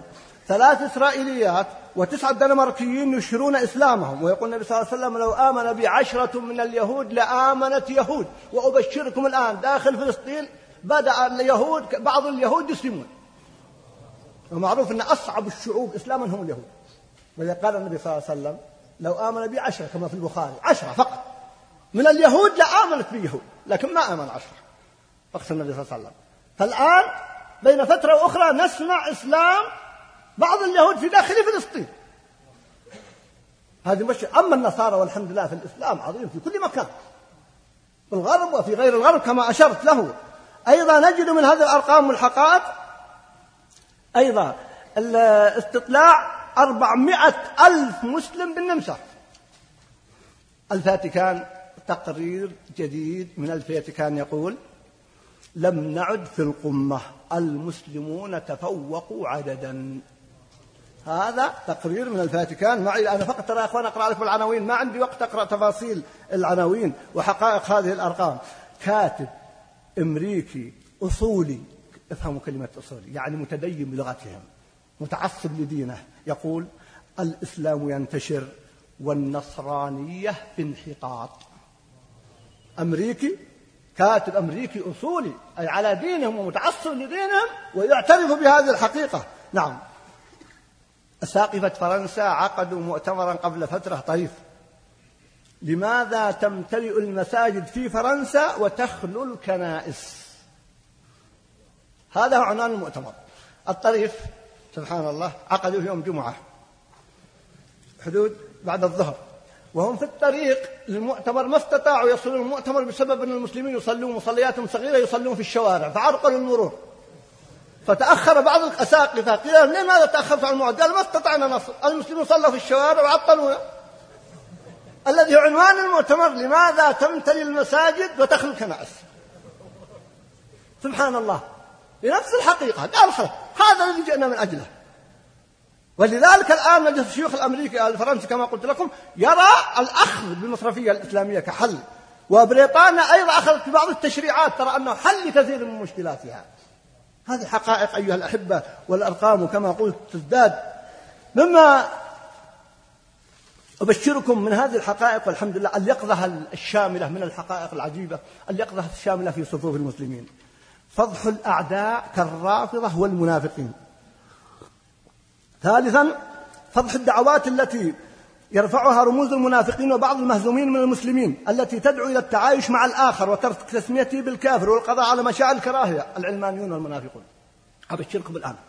بدأ يخرج من صفوف الليبراليين كما يقولون العلمانيين أشخاص ويعلنون أن ما يدعيه الليبراليون كذب. آخر ما قرأت أنا في الطريق إليكم إحدى النساء ذكرت اسمها لا أريد أذكر موجودة في الأنترنت تقول كنت ليبرالية فخرجت والله ذكرت وصفا للليبراليين قالت دكتاتوريون هؤلاء فاسدون أخلاقيا. وبدأت تذكر حقائق وأرقام. قالت لو شئت أن أسمي لسميت إلا القليل منهم قالت. وهذا من عدلها لا بد. قالت كنت مخدوعة في الليبرالية.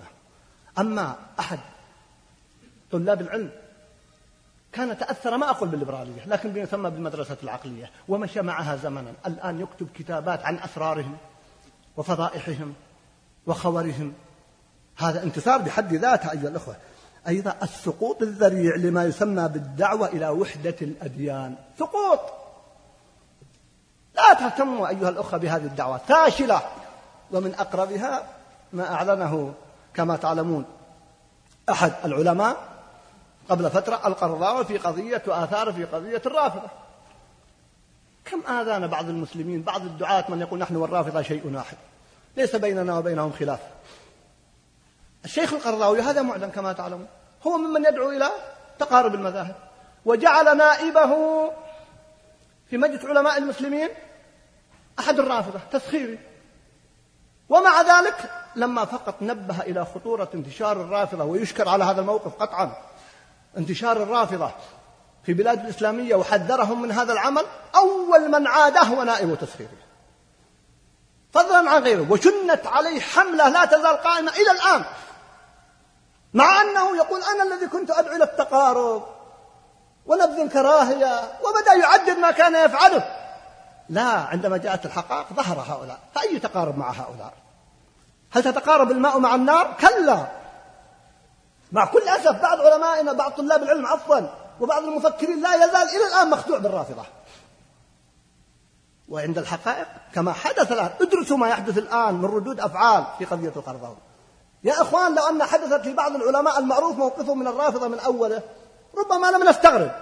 لكن من رجل يرى التقارب الأبيض ويضع نائبه إحسان الظن في الرافضة نائبه رافضي في مؤتمر علماء المسلمين وذكر وأول من وقف أمامه يا أخوان أول من وقف أمامه وعارضه هم من يسمى بالمعتذرين من الرافضة. كتسخير وفضل الله وغيرهم. ما في اعتدال إذا جاءت قضية الدين ما في. هذه حقائق يا أخوان وقلت لكم قصة حقيقية يحدثني بها أحد الأخوة يقول كنت جاي بالطائرة ومعي شخص من هذه البلاد مسؤول في الطائرة وأيضا مصنف عندهم أنه ليس رجل دين. ليس من رجال الدين يقول فتحدثت معه قال نحن وإياكم إخوان. ترى مذاهب كالحنفية الشافعية مجرد مذهب.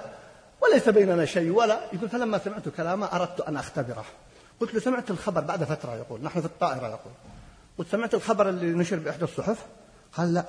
قال أربعة من الشيعة تسننوا. قال مستحيل. يغيرون دينهم؟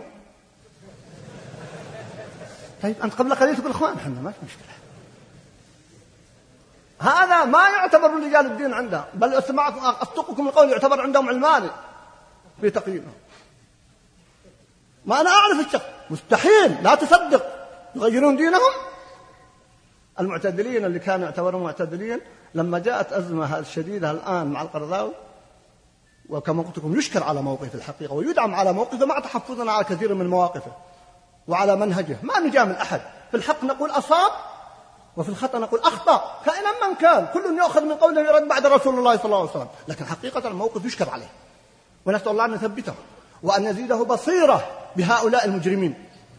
نعم. وأرسلوا له قبل أيام وفد يصطلح معه ورفض إلا بإيقاف التشيع في العالم الإسلامي. بينما مع كل أسف إلى الآن بعض دعاة المسلمين يقول يجب أن نوقف. حتى يوقف الرافضة التشيع في بلاد المسلمين يوقف التسنن في بلاد الرافضة. سبحان الله. هل سبحان الله.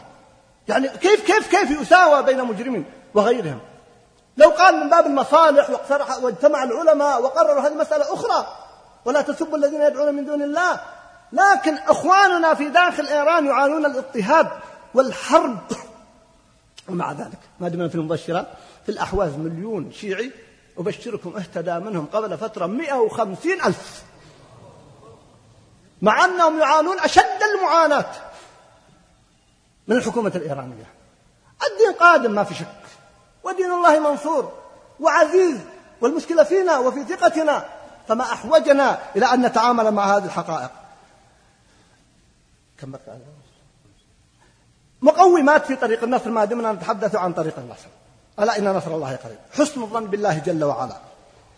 وعد الله الذين آمنوا منكم كما قرأت. اثنين بعث الإيمان وتربية الأمة تربية جادة والالتزام بمنهج الوسطية الحقة والأخذ بالأسباب المادية وأعدوا لهم ما استطعتم من قوة.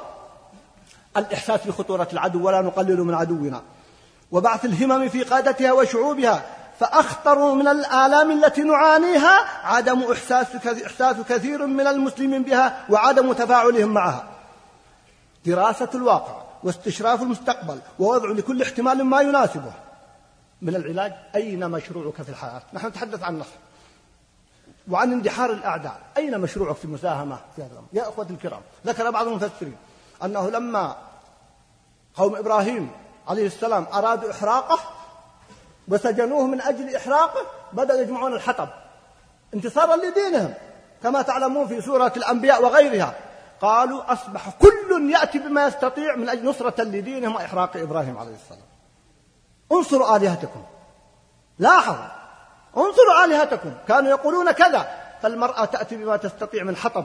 إذا أراد أحد أن ينذر نذرا قال إن حقق الله لي كذا أو أنت لأنهم مثنيون عفوا إن تحقق لي كذا سأجمع حطبا أو مالا لإحراق إبراهيم. فاجتمعت كل الأمة الوثنية في عهد إبراهيم من أبيه ومن معه ومن قومه كلهم اجتمعوا كبيرهم وصغيرهم لنصر دينهم. انصروا آلهتكم. طيب الآن نحتاج إلى أن ننصر آلهتنا. ديننا الحق وليس الدين الباطل. ماذا قدمنا؟ ماذا أعددنا؟ ما هو مشروعك في الحياة؟ كيف تريد أن تنصر هذه الأمة؟ مجالات النصر عظيمة جدا. في الجهاد وفي العلم وفي الدعوة وفي المال إقامة المؤسسات المتكاملة التي تنصر هذا الدين. أمريكا أيها الأخوة من أسباب هزيمتها مع أن استطاعت وأقول بكل مرارة أن تحقق أتباع لها في كل بلد ولكن الشعوب المسلمة بالجملة وقفت ضدها. وما يحدث الآن بإذن الله هو انتصار للشعوب في العراق في أفغانستان في الشيشان في فلسطين مع الخذلان الذي حدث لهم في دولهم. وتعاون كثيرا من الدول والحكومات مع أمريكا. إذا ما هو مشروعك لنصرة هذه الأمة؟ ماذا قدمت؟ فتسأل لأننا نمر في مرحلة تاريخية صعبة وعصيبة. لا ينفع فيها التسويف والتأجيل. قدم ما تستطيع لنصرة هذا الدين لحماية بلدك لحماية عقيدتك أمتك أمنك مجتمعك نفسك. هذا من عوامل النصر أيها الأحبة. آه الاعتدال والواقعية في وصف الواقع. وأقول أيها الأخوة مع الآن أرى في الكتابات وبعض الطيبين يبالغ فيما يتعلق في انهيار أمريكا. لا أقول لا نبالغ. يجب نعتذر. هي الآن التي أصابها ضربة من الضربات الموجعة. لكن هل انتهت أمريكا؟ نتمنى أن تكون تنتهي. لكن لا أخشى التفاؤل الزائد أيها الأخوة أو غير الواقع يضر ويؤثر. حتى على المستوى الشخصي. فلأنني رأيت بعض الكتابات الذي يتصور خلاص أن انتهت أمريكا وانتهى الغرب لا ليس بهذه الصورة. ولكن لا شك أنها تعاني الآن من أزمة ومن كوارث ومن ضربات موجعة قد لا تفيق منها ولو أفاقت قد تعود. كل هذا. لكن أن نعتدل في وصف الواقع. لا نبالغ. كما أننا يجب أن نعتدل في واقع الأمة ما نقول الأمة هزمت الأمة فيها وفيها لا الأمة فيها خير. الأمة والحمد لله فيها مكان من قوة فيها اهتداء فيها صلاح فيها إقبال على دين الله جل وعلا. في الغرب فضلا عن الشرق وعن الشرق المسلم. أبشروا أيها الأخوة. الأمة منجبة وتعود إلى دينها في الأزمات. فيجب أن نعتدل في وصف الواقع. سلبا أو إيجابا. وإذا جاءهم أمر من الأمن أو الخوف أذاعوا به. ولو ردوه إلى الرسول وإلى أولي الأمر منهم لعلمه الذين يستنبطونه منهم فلنعتدل في وصفنا حتى لا نخدع الناس أو نخدع أنفسنا. أيضا مما نحتاج إليه وحدة الكلمة أيها الأخوة واجتماع الصفوف. أقصد بين أصحاب المنهج الواحد. لا أقصد وحدة الكلمة مع الرافضة ولا مع المنحرفين ولا مع العلمانيين ولا مع المنافقين إنما أهل الإسلام. الصحيح. وأبشر يا أخوان كما قلت في محاضرة سابقة سرعة ومنهاجا دراسات حقيقية أن أغلب الأمة على منهج أهل السنة والجماعة. نعم توجد رؤوس هي التي تضلل هي المنحرفة هي المبتدعة. أما عموم الناس فالحمد لله. فيجب أن تتحد هذا الجهود وتتحد الكلمة. كفى تفرقا كفى تنازعا. ولا تنازعوا فتفشلوا وتذهب ريحكم. سلامة المنهج. لا بد منه. والأخذ بمنهج الوسطية لأن الآن يهز منهج الوسطية كما تحدثت في محاضرة ودرس كامل في هذا المسجد. في درس شرعة ومنهاجا هناك الآن حرب ويهدم المنهج بيد بعض أبنائه مع كل أسف. فعلينا أن ننتهي لذلك. وجوب الأمر بالمعروف والنهي عن المنكر أيها الأخوة كنتم خير أمة أخرجت للناس. لماذا تأمرون بالمعروف وتنهون عن المنكر؟ التفاؤل الإيجابي العملي وهو وليس التفاؤل السلبي. الدعاء. قال الله جل وعلا ولما برزوا لجالوت وجنوده قالوا ربنا أفرق علينا صبرا وثبت أقدامنا. التوبة والاستغفار وصدق الالتجاء والصبر. وتوبوا إلى الله جميعا أيها المؤمنون.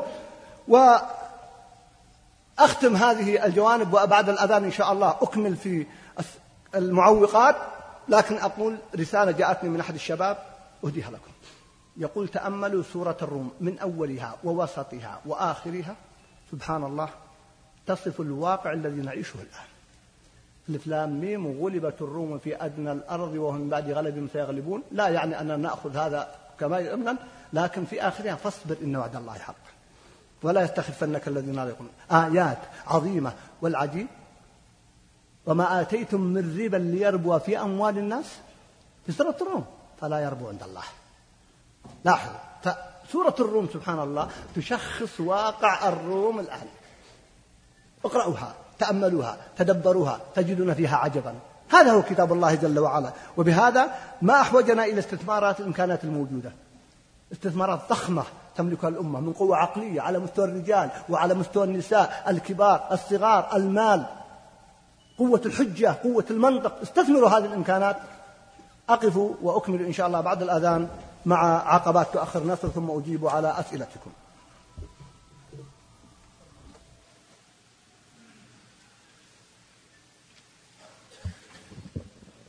الله الرحمن الرحيم. هناك عقبات تؤخر تحقق النصر. ألا إن نصر الله قريب. منطلقها وما أصابكم مصيبة فبما كسبت أيديكم. ولما أصابتكم مصيبة قد أصبتم مثلها. قلتم أن هذا قل من عند أنفسكم. هذه حقائق السنة من تلك العقبات التي أشير إليها إشارة سريعة حتى أقف مع أسئلتكم هي كثيرة. الاستعجال. الاستعجال أيها الأخوة ضر الأمة كثيرا. وخاصة في بالجملة غالبا في صفوف الشباب.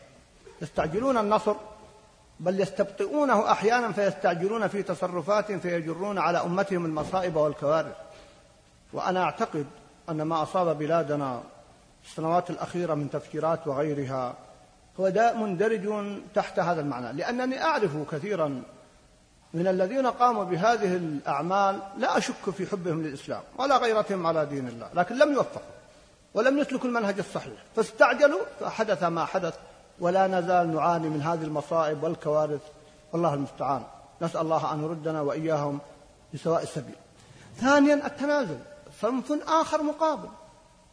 التنازل في دين الله. الآن أصبحنا نسمع في القنوات الفضائية من طلاب علم تنازلات. لا أدري إلى أي حد يصلون يا أخوان. تنازلات في دين الله ما كان حراما أصبح حلالا. وما كان مكروها وليست المسألة مكروه لكن مباح. خرجت فتاوى جديدة ما نعرفها. ولذلك وضع مذهل ومحزن من بعض المفتين هداهم الله. تنازلات كما قلت لا تقف عند حد من التعايش يدعون للتعايش مع الغرب للتآلف مع الرافضة لإزالة الفوارق حتى مع المبتدعة. نحن نفرق بين أسلوب التعامل وكيف يكون التعامل مع كل فئة وبين الصدع بالحق والثبات على الحق. فالتنازل مصيبة تعاني منها الأمة الآن. وكارثة أخرت النصر أيها الأخوة. فما أحوجنا مرة أخرى أيضا إلى الانتباه لهذه العقبة العظيمة. اليأس والتشاؤم والقنوط ومع كل أسف هذا موجود عند كثير. كما قلت يبثون التشاؤم والقنوط والهزيمة النفسية. هذه العقبات الثلاث كوارث. الاستعجال التنازل التشاؤم والقنوط واليأس. لا ويبقى الصنف المهم وهو أسأل الله أن نكون وإياكم منهم هو الثابت على دين الله جل وعلا. الذي لا تؤثر فيه هذه الأحداث تأثيرا سلبيا بل تؤثر تأثيرا إيجابيا. لا يتعجل ولا يتنازل في دين الله ولا يأم. يا بني اذهبوا فتحسسوا من يوسف وأخيه ولا تيأسوا من روح الله إنه لا يأس من روح الله إلا القوم الكافرون. حتى إذا استيأس الرسل وظنوا أنهم قد كذبوا جاءهم نصرنا فلنكن من هؤلاء. فاصبر إن وعد الله حق ولا يستخفنك الذين لا يؤمنون. ثانيا من العقبات الاستغراق في اللحظة الحاضرة والنظرة القاصرة بعض الناس يا أخوان عنده استغراق في اللحظة الحاضرة. لا ينتبه لما يقول. أتعلمون أن بعض الناس قبل أيام يقولون لما تحدث الناس عن انهيار أمريكا اقتصاديا والغرب يتحدث بعضهم في مجلس يقول ليس من مصلحتنا تنهار أمريكا. ليش؟ قال تذهب فلوسنا سبحان الله. سبحان الله. شاعر جاهلي عنترة يقول لا تسقني ماء الحياة بذلة ماء الحياة خيال. أكثر أنواع الرفاهية. لا تسقني ماء الحياة بذلة بل فاسقني بالعز كأس الحنظل. ماء الحياة بذلة كجهنم. أما عاد بقية البيت يقول وجهنم في أطيب منزلي بالعز أطيب منزلي. لا ما نوافق على هذا. جاهل هو. لكن يقول لا ليست هذه الحياة. يقول لا ما نريد تسقط أمريكا حتى ما تذهب أموالنا هذه كارثة مصيبة أيها الأخوة تعاني منها الأمة. استغراف اللحظة الحاضرة النظرة القاصرة والمقابل تضخيم الباطل. هناك أيها الأخوة من يضخم الباطل والقرآن عالج هذه المشكلة. هناك من ضخم أمريكا. سبحان الله. انظروا إلى المؤمنين. الذين قال لهم الناس إن الناس قد جمعوا لكم فاخشوهم فزادهم إيمانا. يستخدمون أدلة التشاؤم عند البعض دليلا للانتصار. ولما رأى المؤمنون الأحزاب انهزموه خافوه انخذلوا كلا. ولما رأى المؤمنون الأحزاب قالوا هذا ما وعدنا الله ورسوله أي بالنصر. وصدق الله ورسوله وما زادهم إلا إيمانا وتسليما. القضايا قضايا إيمانية. فهناك كما قلت من يضخم الباطل. يقول ربي وأيضا يقول الله جل وعلا أنزل من السماء ماء فسالت أودية بقدرها فاحتمل السيل زبدا رابيا ومما يوقدون عليه في النار ابتغاء حلية أو متاع زبد مثله كذلك يضرب الله الحق والباطل. فأما الزبد فيذهب جفاء وأما ما ينفع الناس فيمكث في الأرض كذلك يضرب الله الأمثال. الذي يمكث في الأرض هو هذا الدين. أما الغرب وحضارة الغرب تنتهي بإذن الله. فأتاهم الله من حيث لم يحتسبوا وقذف في قلوبهم الرعب. وذلكم ظنكم الذي ظننتم بربكم أرداكم فأصبحتم من الخاسرين. فحذاري أيها الأخوة من تضخيم الباطل. الاعتدال في وصف الواقع مسؤولية أخرى. أيضا من مشكلاتنا أننا نحمل الأعداء المسؤولية. وهذا منهج سلبي ومن معوقات النصر يجب أن نبدأ بأنفسنا. سبقا طرحت في محاضرة يريد إصلاحا. منهج أنا أريد ذاك اليوم طرحته على مستوى الأسرة اليوم أطرحه على مستوى الأمة. قلت لكم إن هناك من الأخيار من طبقوا قاعدة جميلة في بيتها وأعرفهم سعداء الآن في بيوتهم مع أزواجهم وأولادهم. كيف؟ كلما وقعت مصيبة في البيت من أحد الأولاد أو من الزوجين جاء الرجل لزوجته ووجدها تشكو. قال طيب هل هذه مشكلة؟ قالت مشكلة. طيب مصيبة وقعت من أحد الأولاد؟ تقول نعم. يقول أنا وأنت المخطئين. طيب. تقول ماذا فعلنا؟ هو المخطئ. قال لا قول الله حق ما دامت مصيبة لي ولك فالله جل وعلا يقول وما أصابكم مصيبة فبما كسبت أيديكم ويعفو عن كثير. تعالي قبل أن نحل مشكلة مع الولد أو مع الجيران أن نبحث عن شيء بيننا وبين الله جل وعلا. هذا المنهج يا أخوان الآن أبشركم يطبقوه مطبق عند الكثير. والله وجدوا في سعادة في بيوتهم. أول ما يتهمون أنفسهم. لأن هذا منطق الحق.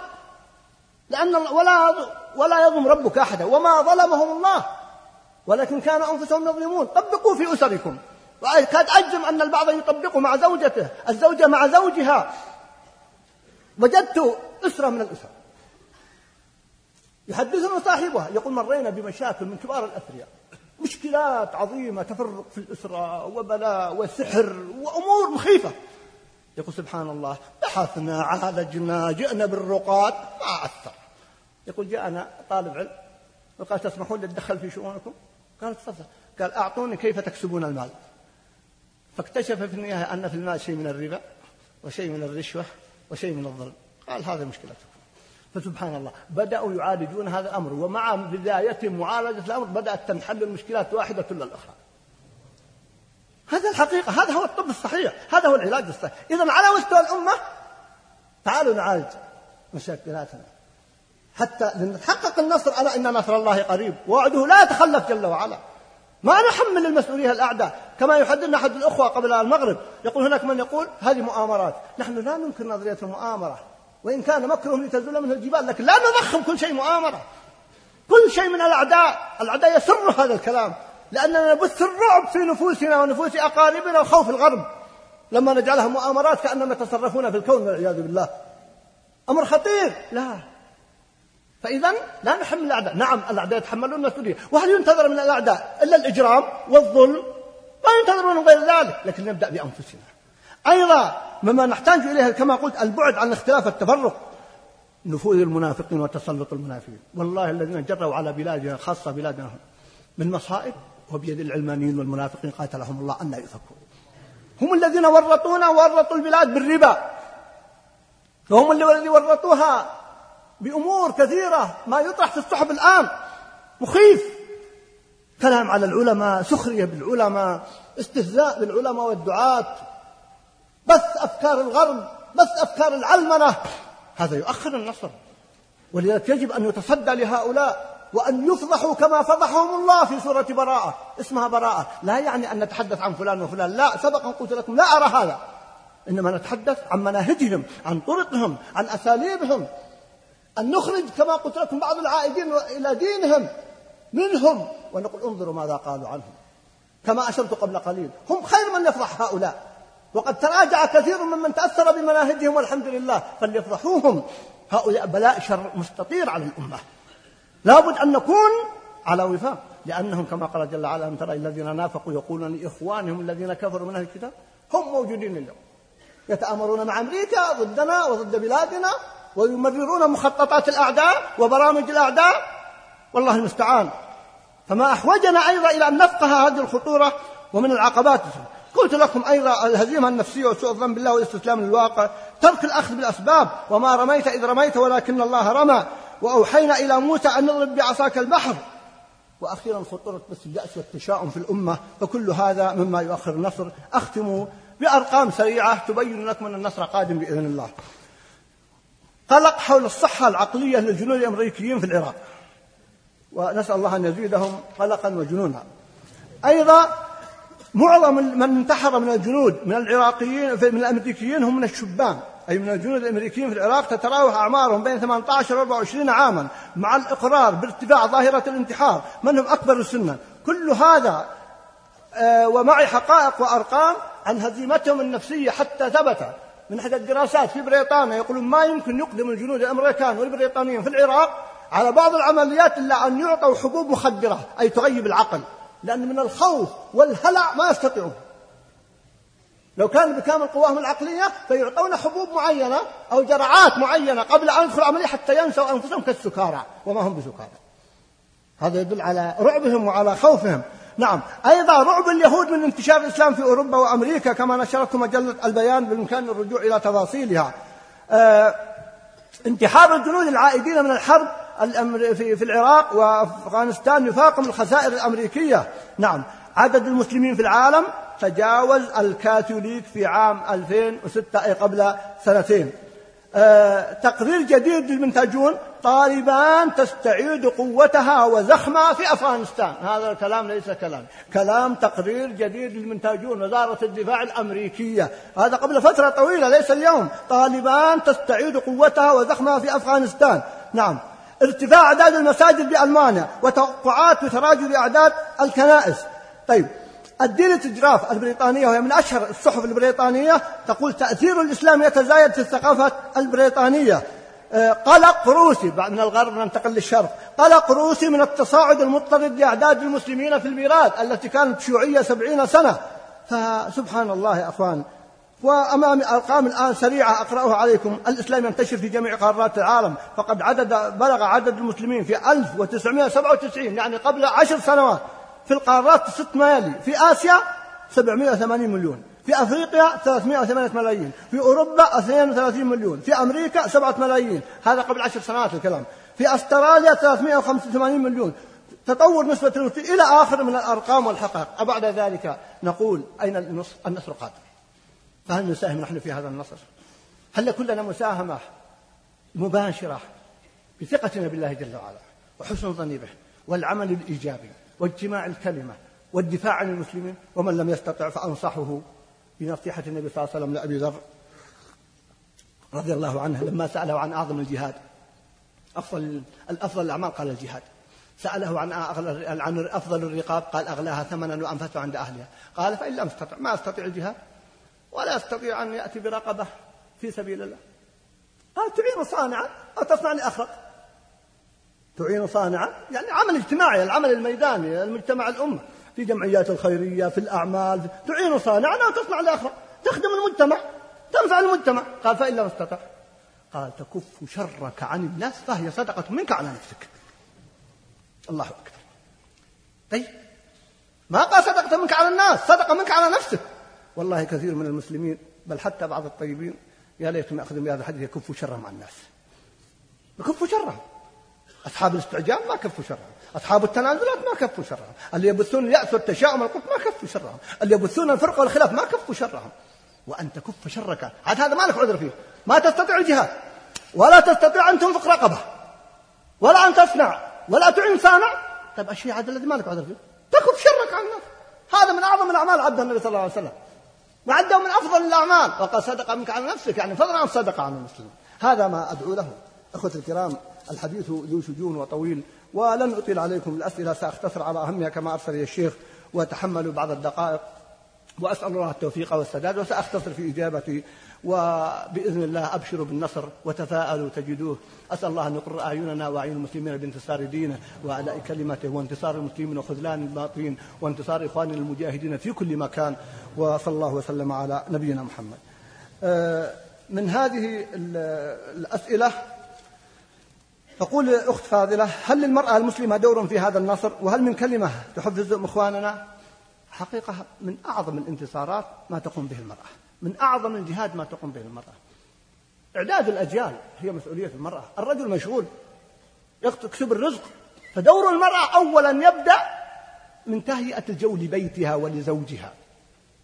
أن تكون أن تكون معينة له داعية أو عاملا أن يجد البيت السعيد. الزوجة اللي تقوم فيه. إعداد الأولاد. تربية الأولاد يا أخوان تأثير النساء في تربية الأولاد أعظم من تأثير الرجال. لأن هي التي تصاحبه. وعاطفة أيضا العاطفة خاصة مع الصغر عاطفة الطفل مع أمه أكثر من أبيه. أيضا المساعدة المالية. أتعلمون يحدثنا عبد الرحمن السمير يقول من لما بدأت حملة على الإرهاب وضيقوا علينا يقول في دعم أفريقيا يقول أعظم من يدعمونها من النساء. هي النساء. المرأة تستطيع أن تعمل أعمال عظيمة جدا. في دروس التحفيظ في, في, في الكتابة في الرد على الشبهات. لأن العدو لماذا؟ العدو يعتبر الآن الرهان على المرأة وخاصة في بلادنا. إذا المرأة تتحمل مسؤولية أكبر في الدفاع عن نفسها وبيان إنصاف الإسلام لها وبيان أن مجتمعنا والحمد لله من خير المجتمعات فيما يتعلق بالمرأة. فما الذي جرى الآن في بعض النساء هداهن الله؟ بعض الأخوات هداهن الله. أن تكون داعية في المجتمع في بيتها في أسرتها. في علاقتها بربها مسؤوليتها عظيمة وهناك محاضرات مستقلة لهذا الموضوع لا يتسع لها هذا العرض السريع. يقول آه، هناك من بعض الأماكن المضطربة فيها الجهاد لا تحتاج إلى الرجال بل هي في حاجة إلى المال أكثر من النفس. ويجد بعض من هذا الكلام أنه من التثبيط باختصار الأخ يشير لي أنا شخصيا. أنا الذي أقول أن المجاهدين في كل مكان يحتاجون للمال أكثر من حاجتهم إلى الرجال من بلادنا ولا زلت أقوله ومسؤول عنه أمام ربي قبل أن أكون مسؤولا عنه أمام البشر. هذا ليس كلامي. إخواننا في العراق مرارا وتكرارا أقول لهم هل تحتاجون يأتونكم الشباب؟ والله من أكثر من قادة ليس من فئة معينة ولا حزب معين أنا لا أتعامل مع جماعة حتى أكون دقيقا في كلامي إلا ما أقول جميعا فأقول أغلبهم يقول نحن نحتاج إلى المال نحتاج إلى الدعاء نحتاج إلى الدعم المعنوي. أما الرجال فما يقصون شباب في العراق. نعم يقول لو جاءنا شباب رحبنا بهم صحيح لأنهم ضيوف علينا لكن بعضهم يحرجنا. وهذا كلام ليس بجديد. في الشيشان أيام الجهاد القوي كان في الشيشان ووجود خطاب وأبو عمر السيف رحمهم الله وقد قتلا وهما من قادة الجهاد. أنا سألتهما مباشرة. قلت أنا أقول للشباب لا تذهبون. قالوا كيف تقول لا تذهبون؟ نحن الشباب الذين عندنا رجعناهم إلى بلادهم. نحن نريد المال. الشباب الشيشاني ومن حولهم من البلاد لا ينقصوننا. فيهم كفاءة وقدرة. سبحان الله. أما كلمة تثبيط لا يا أخي الكريم سامحك الله. لا ليس بتثبيط تثبيط لو دعا القادة الجهاد في تلك البلاد إلى الشباب دعوهم واستنفروهم ثم جاء من يقول لا لا تصدقوهم هنا تثبيط أما هم الذين يقولون ذلك ليس كلامي أنا في الشيشان في العراق فلسطين أصلا ما يمكن أحد يذهب إليها كما تعلم إلا فلسطين. ما حد يدخل داخل فلسطين. فإذا حتى الفلسطينيين يحتاجون إلى مال. شبابهم الآن يتمنون المال ليصنعوا فيها القنابل والسلاح والصمود أمام العدو. فهذا كلام نعم أقوله وسامح الله من ادعى أن يقول تلك. أعوذ بالله أن ألقى الله مثبطا عن الجهاد. لا والله. أقول ما يحدث في تلك البلاد جهاد. والذين يذهبون ويجاهدون مجاهدون لكن لا أنصح ولا زلت أقول لا تذهبوا إلى العراق. يا شبابنا لا تذهبوا. هذا كلام قادة الجهاد هناك. وقبلهم كان قادة الجهاد في الشيشان. وأنا لا أستطيع أدعي أنني أعرف كل قادة الجهاد أو حتى في غيرها في أفغانستان. ما الذي أعرف أقوله الذي لا أعرف أسكت عنه. يأتيني بعض الشباب يقول أذهب للعراق؟ أقول له لا تذهب. فلسطين ماذا؟ أذهب للشيشان؟ أقول لا تذهب. يقول أذهب للبلاد الفلانية؟ أقول لا أدري. أبرأ إلى الله أن أقول كلاما لا أعلمه هذا كلامي واضح. الذي أقول علاني أقوله في السر. ومن قال ونسب إليه خلاف ذلك فقد أخطأ. لأن هناك البعض يقول عني غير ذلك أحيانا ليروجوا أو ليدعموا قولهم وكلامي واضح ومن سنوات. ومع ذلك الجهاد واجب فرض كفاية بالنسبة لهؤلاء. ما داموا لا يحتاجوننا فهو فرض كفاية. أما لو استنفرت الأمة لأصبح فرض عين. والله أعلم. يقول الأخ أرجو التوضيح ما هو حقيقة دارفور؟ يطول هي دارفور ما عندي تفاصيل فيها لكن سألت إخواننا السودانيين. هي مع كل أسف لما ادعوا أنهم انتهوا من مشكلة الجنوب والشمال أحدثوا هذه المشكلة. لتبقى السودان بلاد مضطربة. لماذا؟ لأن السودان يا أخوان قارة وهي بوابة أفريقيا وفيها من الخيرات برجالها وخيراتها وعقيدتها فالعدو تسلط عليها واجتمعوا كلهم فوضعوا ما يتعلق بدارفور. بعد أن انتهوا كما يدعون وحصلوا على بعض ما يريدون في الجنوب والشمال والاستقلال الذاتي أوجدوا دارفور. وهم الآن يخططون حتى لو انتهت دارفور عندهم مشاكل أخرى. ولذلك فكلمتي لإخواني في السودان أن يثبتوا وأن تجتمع كلمتهم فهم الأقوى وهم الأعز لأن العدو أدرك مكانة السودان وخيرات السودان برجالها وأبنائها ونسائها ومالها وقارتها وبوابة أفريقيا جميعا. فذهبوا إليها. وهي بلاد بإذن الله ستكسر تلك الحملات إذا ثبت الله أبنائها وأهلها كما عهد منهم برجال هذا ما أقول باختصار شديد.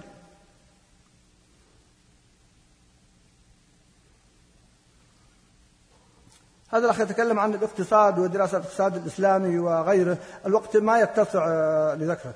فلكن أقول آه، أمامنا فرص كثيرة جدا لأن نستدرك ما وقعنا فيه من أخطاء بخاصة في تعاملاتنا مع الغرب. منها أخذ النظريات الغربية في الربا.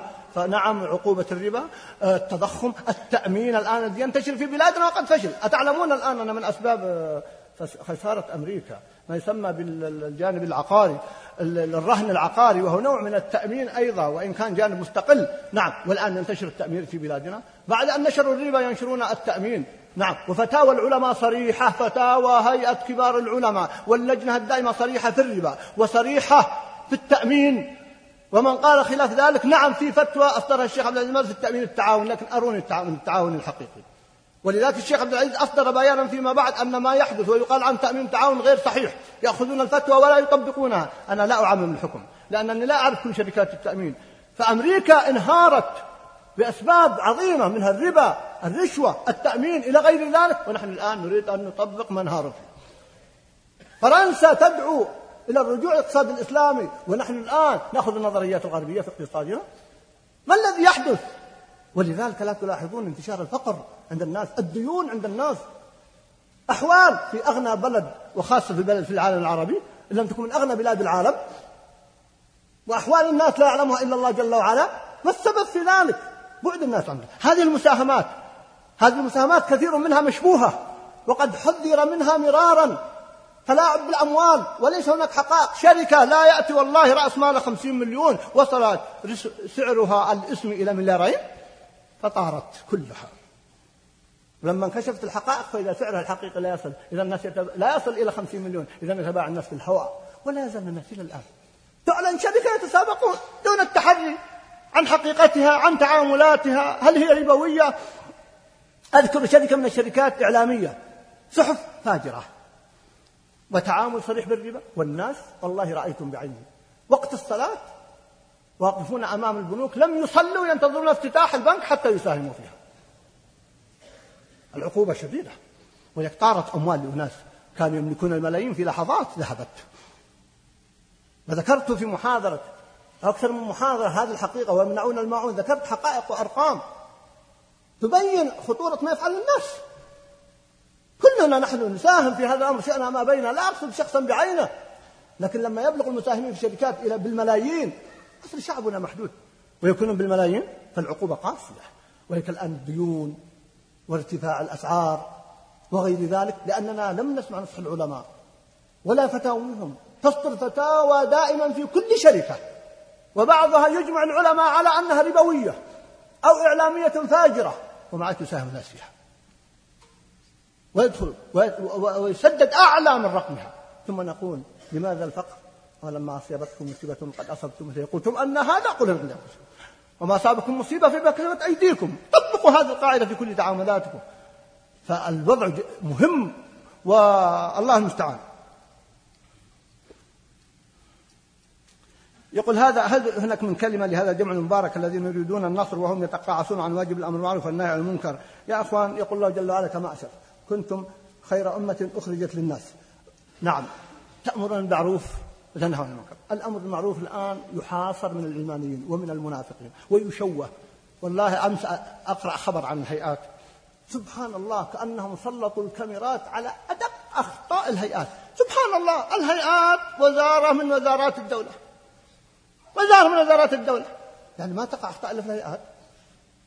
أين وزارات؟ أخطاء الوزارات الأخرى. لماذا تضخم؟ بل كذب. بل يحدث كذب. وكم مرة يقبض على أعضاء الهيئة وبعد التحقيق يتضح براءتهم. كما حدث في أكثر من منطقة.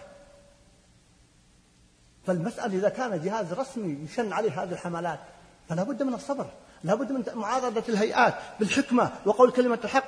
والمخطئ يعاقب حتى لو كان من الهيئة. لكن لماذا نضخم هذه الأمور؟ لماذا في المجالس الناس يبدون يعددون أخطاء الهيئة لم تقع؟ كذب وزور وبهتان.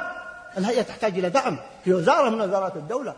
وجهاز من أجهزة الدولة ورجالها صالحون وهكذا نحسبهم ونحسبهم والخطأ من طبيعة البشر. فكيف أيضا بالمحتسبين؟ تجد الأب يقول لابنه ما دخلك في الأمر تجد بعض الناس يقول ما دخل فلان. لا مسؤولية الجميع ومما حمانا الله بهذه الشعيرة. وأخشى إن تساهلنا فيها أن نعاقب. وهناك لا ينفع الندم بلادنا من أكثر بلاد المسلمين التي تقوم بواجب الأمر بالمعروف والنهي عن المنكر على مستوى الجهاز الرسمي وعلى مستوى الأفراد. لكن أرى فعلا تساهل من البعض وتقاعس وتخاذل. فقد نعاقب بتساهلنا بهذه الشعيرة.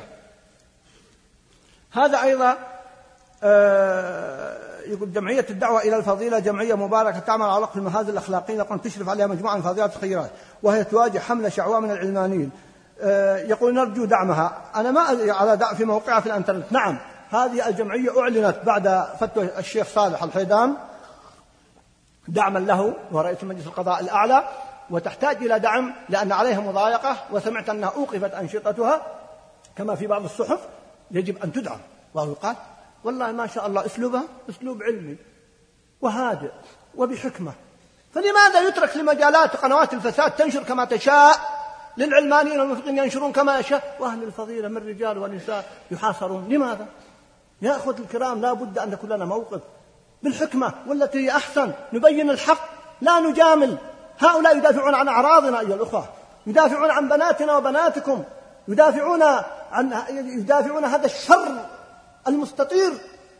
ونحن واقفون نتفرج إلا من عصم الله جل وعلا. فنعم أدعو لدعمها وبخاصة موقعها على الأنترنت موجود وبيان والدفاع عنها أيضا ضد من آخر ما قرأت بالأمس أحد الكتاب المشهورين في الصحف تكلم كلام سيء ضد جمعية الفضيلة.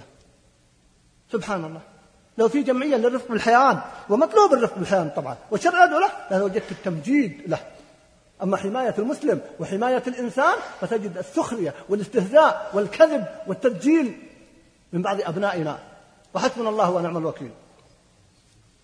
الوقت تأخر أخوانك نكتفي ولا؟ طب. صح. وجدت سؤال عاد وكلها مهمة. اعذرونا يا أخوان لأني ما أدري متى نلتقي. الله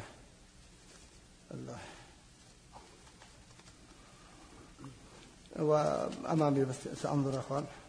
هذا الأخ يتكلم عن موضوع السحر الحقيقة وغيره. باختصار آه، بختم بهذه الكلمة يا أخوان.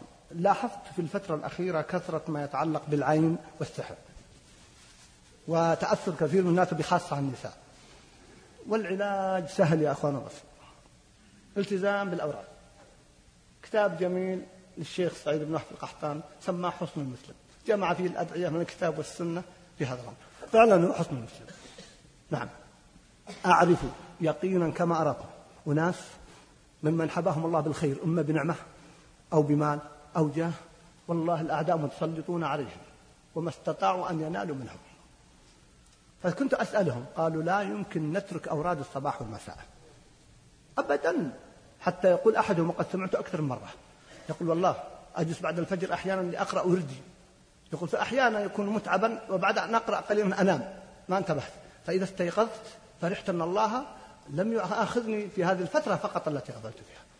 نعم. أو يقول المساء يقول أقرأ بعد العصر فإذا أحيانا أنسى أو أنشغل إذا جاء المغرب وتذكرت يقول انتفضت فزعا. نعم الأمر صحيح. الأمر جد. يحدثنا أحد الرجال عن زوجته واسمحوا لي لو أخذتكم هذه حقائق نعاني منها ورأيتها معه وكنا في طائرة من منطقة من المناطق. قال زوجتي امرأة صالحة. ويوم من الأيام سافرت وجئت فإذا هي قد مسها أصيبت بمس في الجن فتحدث المس فقرأ عليها قال هذا الشخص أنا مرسل إليكم منذ فترة طويلة وزوجتك لم تدع الأوراد يوم من الأيام تركت الورد فنفذت إليها. نعم.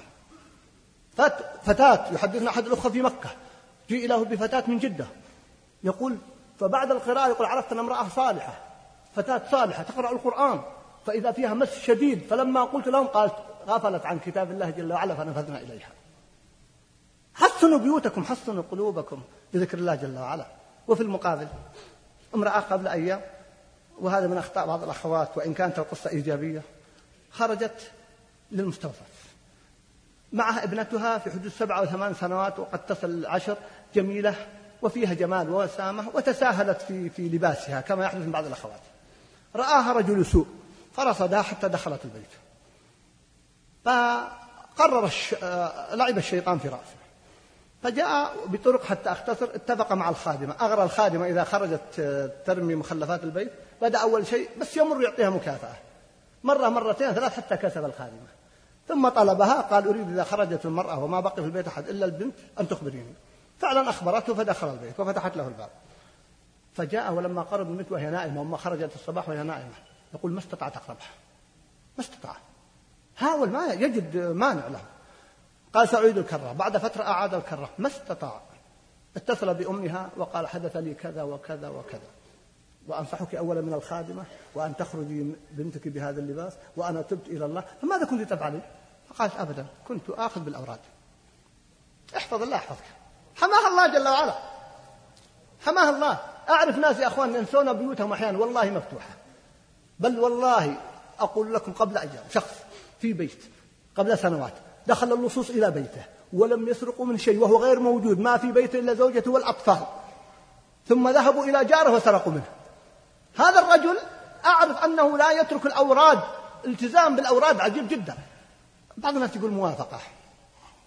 نعم. جاءت الشرطة وجدت البصمات كما هي ولم يسرق من بيت شيء وهو غير موجود عند أولاده وما في البيت إلا أطفاله وزوجته.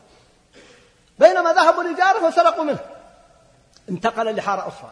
وقبل أيام دخل اللصوص إلى بيته وأغلقوا الأبواب من الخارج وخرجوا ما مسوا في بيته شيء. وهو مسافر. بينما جاره الآخر وفي حارة جديدة سرقوا من سيارته وهو موجود داخل البيت. أي والله. هذه حقائق نفس الرجل. ليش؟ لأنه محافظ على الأوراق قلت طيب هل مجرد قراءة الورد؟ قال لا ليس قراءتها. يقول إذا قرأت الورد وشعرت أني ما ما قرأت بقلب أعيده. أعيده مرة أخرى. لأن أحيانا أحد يقرأ منه وهو مشغول البال يقول ما ينبغي ادعوا الله وأنتم موقنون بالإجابة. فأمامنا يا أخوان تحصين النفوس. حصنوا بيوتكم حصنوا أولادكم. علموا أولادكم الدعاء في الصباح والمساء. إذا خرج إنسان بسم الله توكلت على الله لا حول ولا قوة إلا بالله يحمل ميت كما ورد في الحديث الصحيح. أدعية في السلام غير ذلك. يحميكم الله جل وعلا. ويحافظ على أولادكم وعلى أهلكم ويحميكم من الشياطين من السحر وغيره. نعم وبهذا بإذن الله أسأل الله أن يحفظ قلوبنا وبيوتنا وأهلنا وأموالنا وبلادنا وبلاد المسلمين. أقول قولي هذا وأستاذنون وادعوا لإخوانكم المجاهدين في كل مكان والمستضعفين والمسكونون في كل مكان. أسأل الله أن يبارك في هذا اللقاء وأعتذر والله من كل واحد منكم لأنني أخرتكم ولكن كما ترون الموضوع وأهميته. فاحتسبوا هذه الدقائق في سبيل الله جل وعلا وصلى الله وسلم على محمد. السلام عليكم ورحمة الله وبركاته.